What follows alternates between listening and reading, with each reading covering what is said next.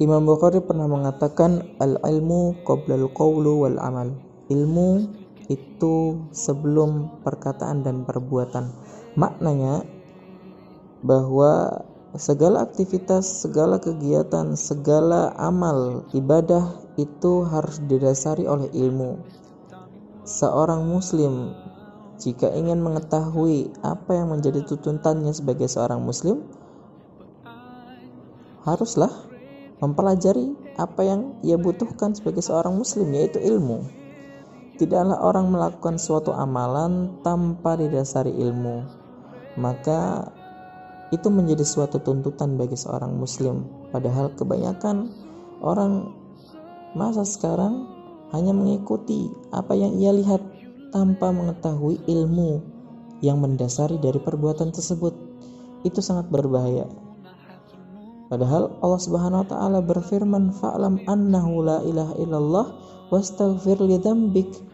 Fa'lam Allah memulai dengan kata i'lam, ketahuilah yang bermakna dasari dengan ilmu dulu bahwa la ilaha illallah bahwa tiadalah Tuhan selain Allah, tiada sesembahan yang berhak disembah selain Allah.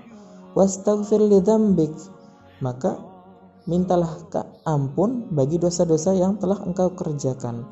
Allah memulai dengan iklam yang berarti semua didasari dengan ilmu, ilmu bahwa Allah itu adalah yang berhak disembah, lantas baru dilanjutkan dengan perkataan atau suatu perbuatan yaitu meminta ampun kepada Allah Subhanahu wa taala. Untuk apa kita meminta ampun kepada Allah Subhanahu wa taala?